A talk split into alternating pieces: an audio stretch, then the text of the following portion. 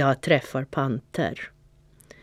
När min husse är trött eller bekymrad brukar han säga att Hå, hå, ja, ja, det är ett sjå att vara människa. Grannens frasse skulle man ha varit.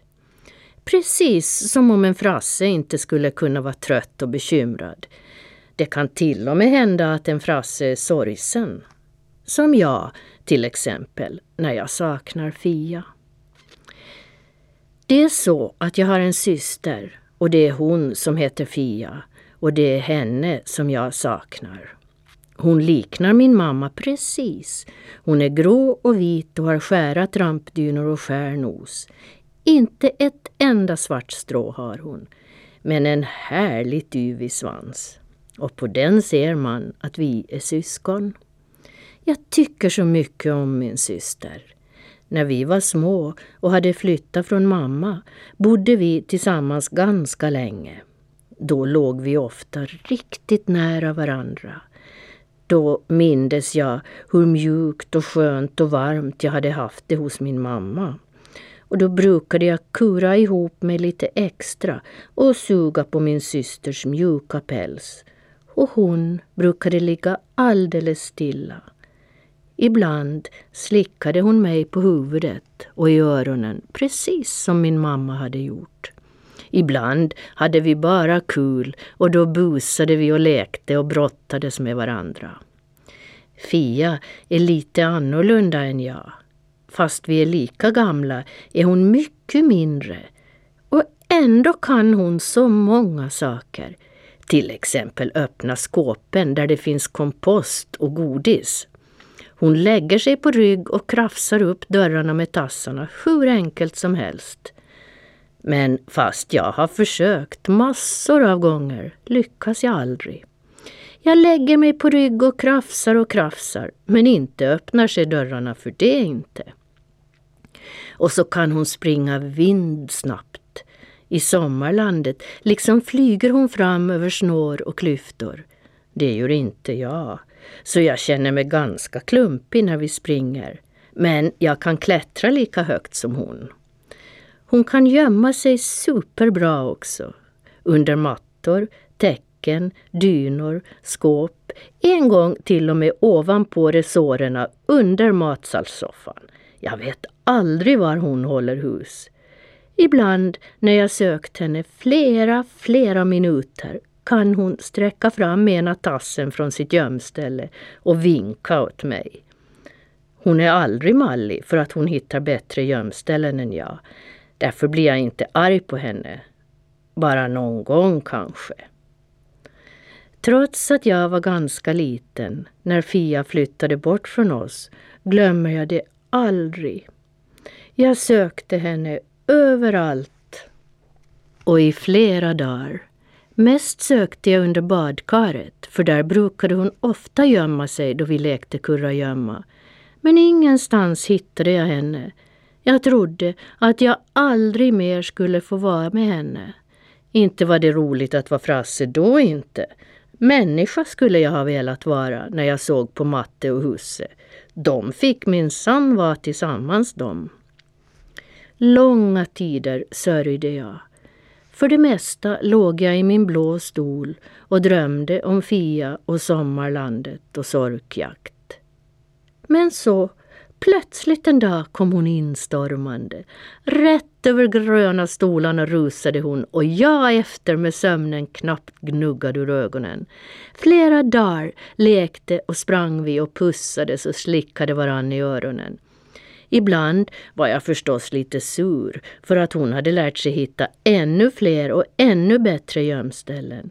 Men mest var jag glad.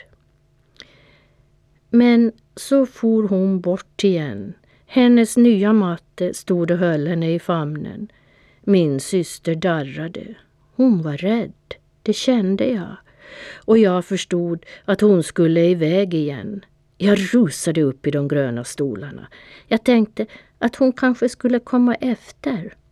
Då kanske hennes nya matte och min gamla skulle förstå att vi ville vara tillsammans. Men hon kom inte. Hon kunde ju inte, för hon var i sin nya mattes famn. Inte var det roligt att vara katt då inte. Människa skulle man ha varit, för en människa behöver inte fara hit och dit. Hon gör som hon vill. En gång till kom Fia och hälsade på. Då var hon inte så glad längre över att träffa mig. Hon berättade att hon var ute alla dagar och att hon älskade det. Hon sträckte fram sin tass mot mig och jag kände att den luktade ute. Sen sa hon att hennes nya husse och matte var så snälla att hon längtade tillbaka hem till dem. Och så hade hon fått flera nya kattvänner som hon brukade vara tillsammans med. Några dagar var vi i vårt sommarland. Där sprang vi och klättrade i trän och jagade sorkar. Vi hade så roligt att min syster slutade längta till sitt nya hem och sina nya vänner. Det var precis som förut, då vi bara hade varandra. Men så for vi tillbaka till stan och Fia började längta igen. Och en kväll i skymningen kom hennes nya matte efter henne. Nu var hon inte rädd längre och försökte inte komma loss. Hon ville ju träffa sina nya vänner igen och vara ute. Min matte stod nära Fia med mig i famnen. Nu far Fia sin väg, sa hon. Jag sträckte mig framåt och slickade Fia på huvudet många gånger. Jag förstod att det inte skulle löna sig att rusa iväg till de gröna stolarna. Fia skulle nog inte komma efter. Och så var jag ensam igen. På kvällarna låg jag i min blå stol och fantiserade om vad Fia gjorde och vad vi skulle göra när vi träffades. Just nu brukade jag tänka. Kanske Fia springer ute och leker med sina nya vänner. Och här ligger jag och drömmer om att hon kommer tillbaka till mig. Och då ska hon och jag rymma iväg till sommarlandet. Och där ska vi leka, jaga sorkar och klättra i träd. Och vi ska bo på vinden. Dit kan ingen annan ta sig, för man måste vara lika liten som vi. Så där är vi trygga. Jag vet att hon kommer tillbaka, för hon har min lukt på huvudet där jag slickade henne och det gör att hon hittar hit. Och då blir det skönt och roligt att vara frassen Dylan igen. Så gick många, många dagar och nätter. Jag åt och sov och drömde och fantiserade. Ibland var jag ute i trappan och pratade lite med Cherie. Men hon kommer inte dit så ofta. Men så en kväll hände någonting förunderligt. Jag låg där i min stol och tänkte på sommaren och på Fia. Jag förstod inte varför hon inte kommit tillbaka till mig ännu. Hon brukade ju alltid kunna saker bättre än jag. Och om hon inte kunde komma så inte kunde väl jag komma till henne heller. Eller tänk om jag kunde? Tänk om det fanns någonting jag kunde och inte hon. Länge låg jag och funderade. Det blev mörkt och matte och husse gick till sängs. Jag hoppade upp i blomfönstret, tuggade i mig några ormbunksblad och tänkte så det knakade. Ute var det månsken. Månen var stor och apelsingul och rund som ett strömmingsöga. Med ens tyckte jag att jag hörde någonting, någonstans, som liksom viskade och knastrade och ven och sisade. Jag spetsade öronen och spärrade upp ögonen. Och in genom fönsterspringan störtade en svans av stjärnskärvor i rasande fart. Ormbunken dråsade i golv och gick i tusen bitar. Jag blev fasligt rädd och ryggade tillbaka. Hett blev det också, för stjärnskärvorna brann och sprakade. Plötsligt dök en liten kolsvart katt upp ur stjärnsplittret med sån fart att det riktigt slog gnistor om honom. Han betraktade mig med stora mandelformade gröna ögon. Han såg lite mallig ut tyckte jag. Jag stirrade tillbaka. sjötrygg och morrade lite försiktigt. Du behöver inte vara rädd, beskedliga lilla kissemiss, flinade den kolsvarta varelsen. Jag heter Panter och kommer från South America, Rio, you know. Du vet, där din pappa en gång bröt arm. Honom glömmer jag aldrig. Vilken sjutusan till kattekatt han var, suckade den svarta drömmande. Honom kunde varken stängda fönster eller låsta dörrar hålla fången. Vad heter du själv då förresten, lilla morsgris? undrade han sen överlägset och putsade sina klor på min glänsande svans. Mitt namn är Dylan yttrade jag så värdigt jag kunde och ryckte undan min svans. Det är inget vanligt djungelnamn det är inte. Det är ett namn för poeter. Panter himlade med ögonen och verkade inte alls imponerad. Nå, frågade han sen, vill du ut och bort från ditt trygga fönsterbräde och leva livet? Eller tänker du ligga här och längta bort ditt liv och mögla? La han till efter en liten paus. Jag var tyst, för jag hade inte riktigt hämtat mig från förskräckelsen ännu och inte visste jag vad jag skulle säga heller. Men inte ville jag mögla. Men leva livet med en sån där konstig varelse som kommer åkande i gnistor. Det kunde inte bli annat än farligt det. Men att bara längta och vänta och sucka efter Fia, vad var det för liv då? Tänk, den här Panter, han kände min pappa. Och jag hade fantiserat rätt om honom och kungen i Rio. Men inte kan man ju ta sig ut genom fönster heller. Mina tankar pilade genom huvudet som ett uppskrämt fiskstim.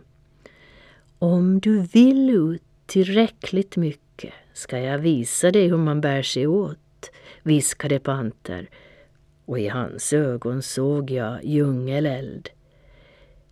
Ett ögonblick tvekade jag.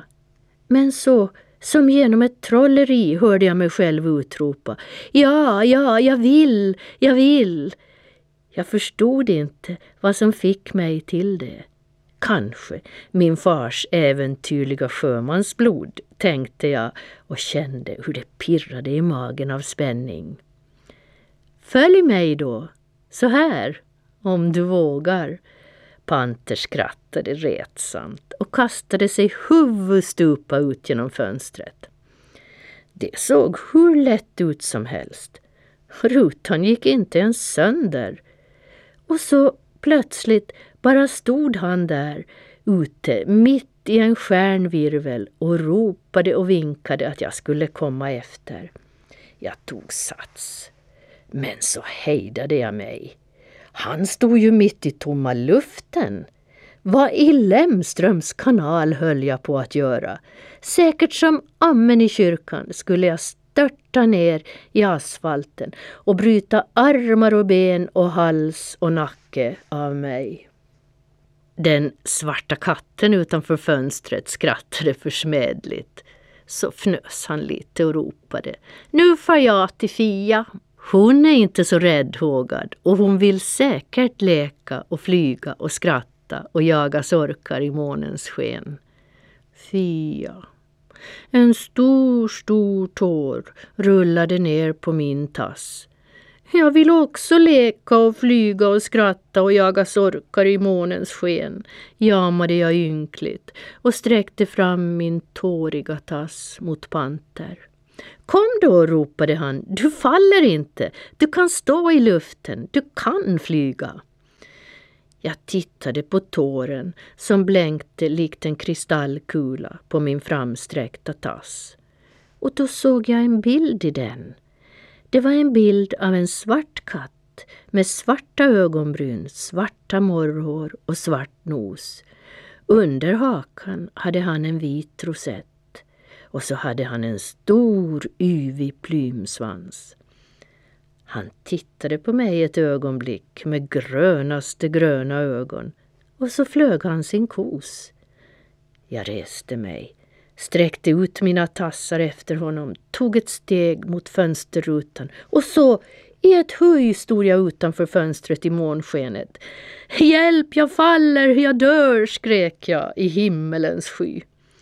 Nej, nej, du faller inte, du kan flyga, ropade Panter och skrattade högt och vilt av glädje. Sträck bara fram tassarna och snurra dem runt, runt varandra. Så där som du gjorde i somras när du halkade i sjön och simmade i land.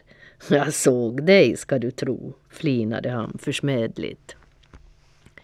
Jag blundade och vred mina arma tassar om varandra och tänkte farväl liv. Men så, mitt i allt, kände jag hur jag flög. Och jag flög högt över hustaken, högt över trädtopparna, högt över kajborna i kyrktornet. Och framför mig flög panter. Upp och ner for vi som andra silvertärnor och vi skrattade och skrattade. Vi flög så fort att det slog gnistor om oss. Vad är gnistorna? ropade jag. Det är drömmar, drömmar och önskningar. Alla våra drömmar och önskningar, jublade Panter. Här, ta lyra så får du en näve. Och så slängde han iväg en massa gnistor och min tass blev rågad. Några singlade iväg neråt i natten. Jag dök för att fånga upp dem. Låt dem falla, ropade Panter. Det finns så många ensamma sorgsna katter som behöver dem. Här får du mer. Han slängde iväg en penningpung av brunt läder åt mig. Den är full med drömmar och önskningar, viskade han. Ta den och titta in i den då och då och rör om och blås så att gnistorna inte falnar. Lek med dem, kasta upp dem mot månen och jaga dem. Låt dem flyga och vara fria. Annars slocknar de och dör. Jag slängde iväg gnistorna som jag hade i tassen och fick tag i penningpungen. Gnistorna yrde iväg och blinkade som sprakstickor där under mig. I samma stund fick jag syn på Fia långt nedanför oss. Först bara gapade hon av förvåning och så, i en blink, sprang hon och gömde sig under en buske. Vi far ner och hälsar på, skrek jag vild av lycka och övermod. Vi kan väl skrämma henne lite, bara lite, lite. Jag susade förbi Panter och störtade mig ner i ett stjärnregn. Rätt i busken där Fia satt och darrade landade jag med ett brak. Inte så elegant kanske, men skickligt och träffsäkert, om jag får säga det själv. Åh, du milde Katolomeus, jamade Fia och gömde ansiktet i tassarna. Nu har jag ätit min sista sork. Jag böjde mig fram och slickade henne sakta och varligt på huvudet. Så tog jag försiktigt bort hennes tassar från ansiktet hon stirrade på mig med sina stora ögon. Nämen, är det du Dylan? Varifrån kommer du? Hur kommer du? Inte flyger du väl? Hon stammade av förvåning och hennes ögon lyste av förundran och av, ja, beundran tror jag. Jag visste det, jag. Vem annars? svarade jag så tufft jag kunde och svängde lite på min plymsvans. Hemifrån kommer jag, flygande. Det är väl ingen konst. Det kan alla som vill. Det var Panter som lärde mig. Här är han förresten, min kompis från Rio, Sydamerika, you know. Panter? Sydamerika? Var? Jag ser ingen. Fia såg sig kattfunderat omkring. Jag tittade mig också omkring men fick inte heller syn på Panter. Som bortblåst var han. Jag vände blicken uppåt och såg ett litet stjärnmoln som med ljusets hastighet flög upp mot månen. Så hörde jag ett skratt som ekade genom rymden. Du kan, Gödde. Du kan om du vill och vågar, vill och vågar, vill och vågar, vill och vågar. Jag kunde, jag ville, jag vågade, högt ropade jag. Så svalde jag och viskade sakta för mig själv och för Panter att vi ses igen, någon gång, någonstans. Så sträckte jag upp båda tassarna och ropade Flyg väl. Och nerrutschande på en månstråle kom en soldisig runddikt som vecklade ut sig och sjöng Dylan är världens kattors poet. Panter är katternas himla komet. Jag rullade försiktigt ihop dikten och lade den i min penningpung tillsammans med drömmarna och önskningarna. Så satte jag penningpungen i min ficka ovanför högra framtassen. Fia tittade lite på mig men hon sa ingenting. Och det var jag glad för. Allt kändes så stort just då. Där inne i mig. Kom, ropade jag sen. Kom ska jag lära dig flyga. Det är lätt som en plätt. Man kan, om man vill och vågar. Jag vill och jag vågar, ropade Fia tillbaka. Bara du lär mig. Jag sträckte på mig och kände hur stor jag var och hur pälsen och morrhåren blänkte och hur svansen burrade upp sig. Tänk att jag för en gångs skull kunde lära Fia något. Och så flög vi. Vi gjorde kullerbyttor i luften och flög upp till högsta grantoppen och skrämde halvt vettet ur kråkan som satt där i allsköns lugn och ro och sov. Den flaxade förskräckt med sina sorgliga vingtrasor och kraxade bara värre. Och då skrattade vi och flög vidare. Och när vi flugit färdigt lekte vi och brottades och jagade sorkar i månens sken. När månen vandrat över halva himlen var jag trött och flög hem. Fia vinkade och ropade att nästa gång jag kom skulle hon visa mig alla sina bästa gömställen. När jag satt hemma på min fönsterbräda igen verkade hela kvällen som en dröm och ändå så klar och tydlig. För min inre syn såg jag Panter, den kolsvarta katten från Rio och hörde hans skratt. Penningpungen, tänkte jag plötsligt, där alla drömmarna och önskningarna och Panters dikt finns. Har jag den kvar, då är det ingen dröm. Försiktigt trevade jag i min ficka och där låg den, öppen, som Panter sagt att den måste vara. Jag tittade in i den och såg hur det gnistrade och glimmade. Överst låg en liten boll. Det var Panters dikt. Jag blev så glad så jag började skratta högt för mig själv. Så kände jag med ens att sömnen kom. Jag hoppade ner i min blå sammetsstol kollade att penningpungen låg i fickan, slickade mig på tassen och kände att den luktade ute. Så la jag mig på rygg med tassarna i vädret och somnade lugnt och sov länge, länge. Och jag drömde om Panter och om Fia och om att jag flög.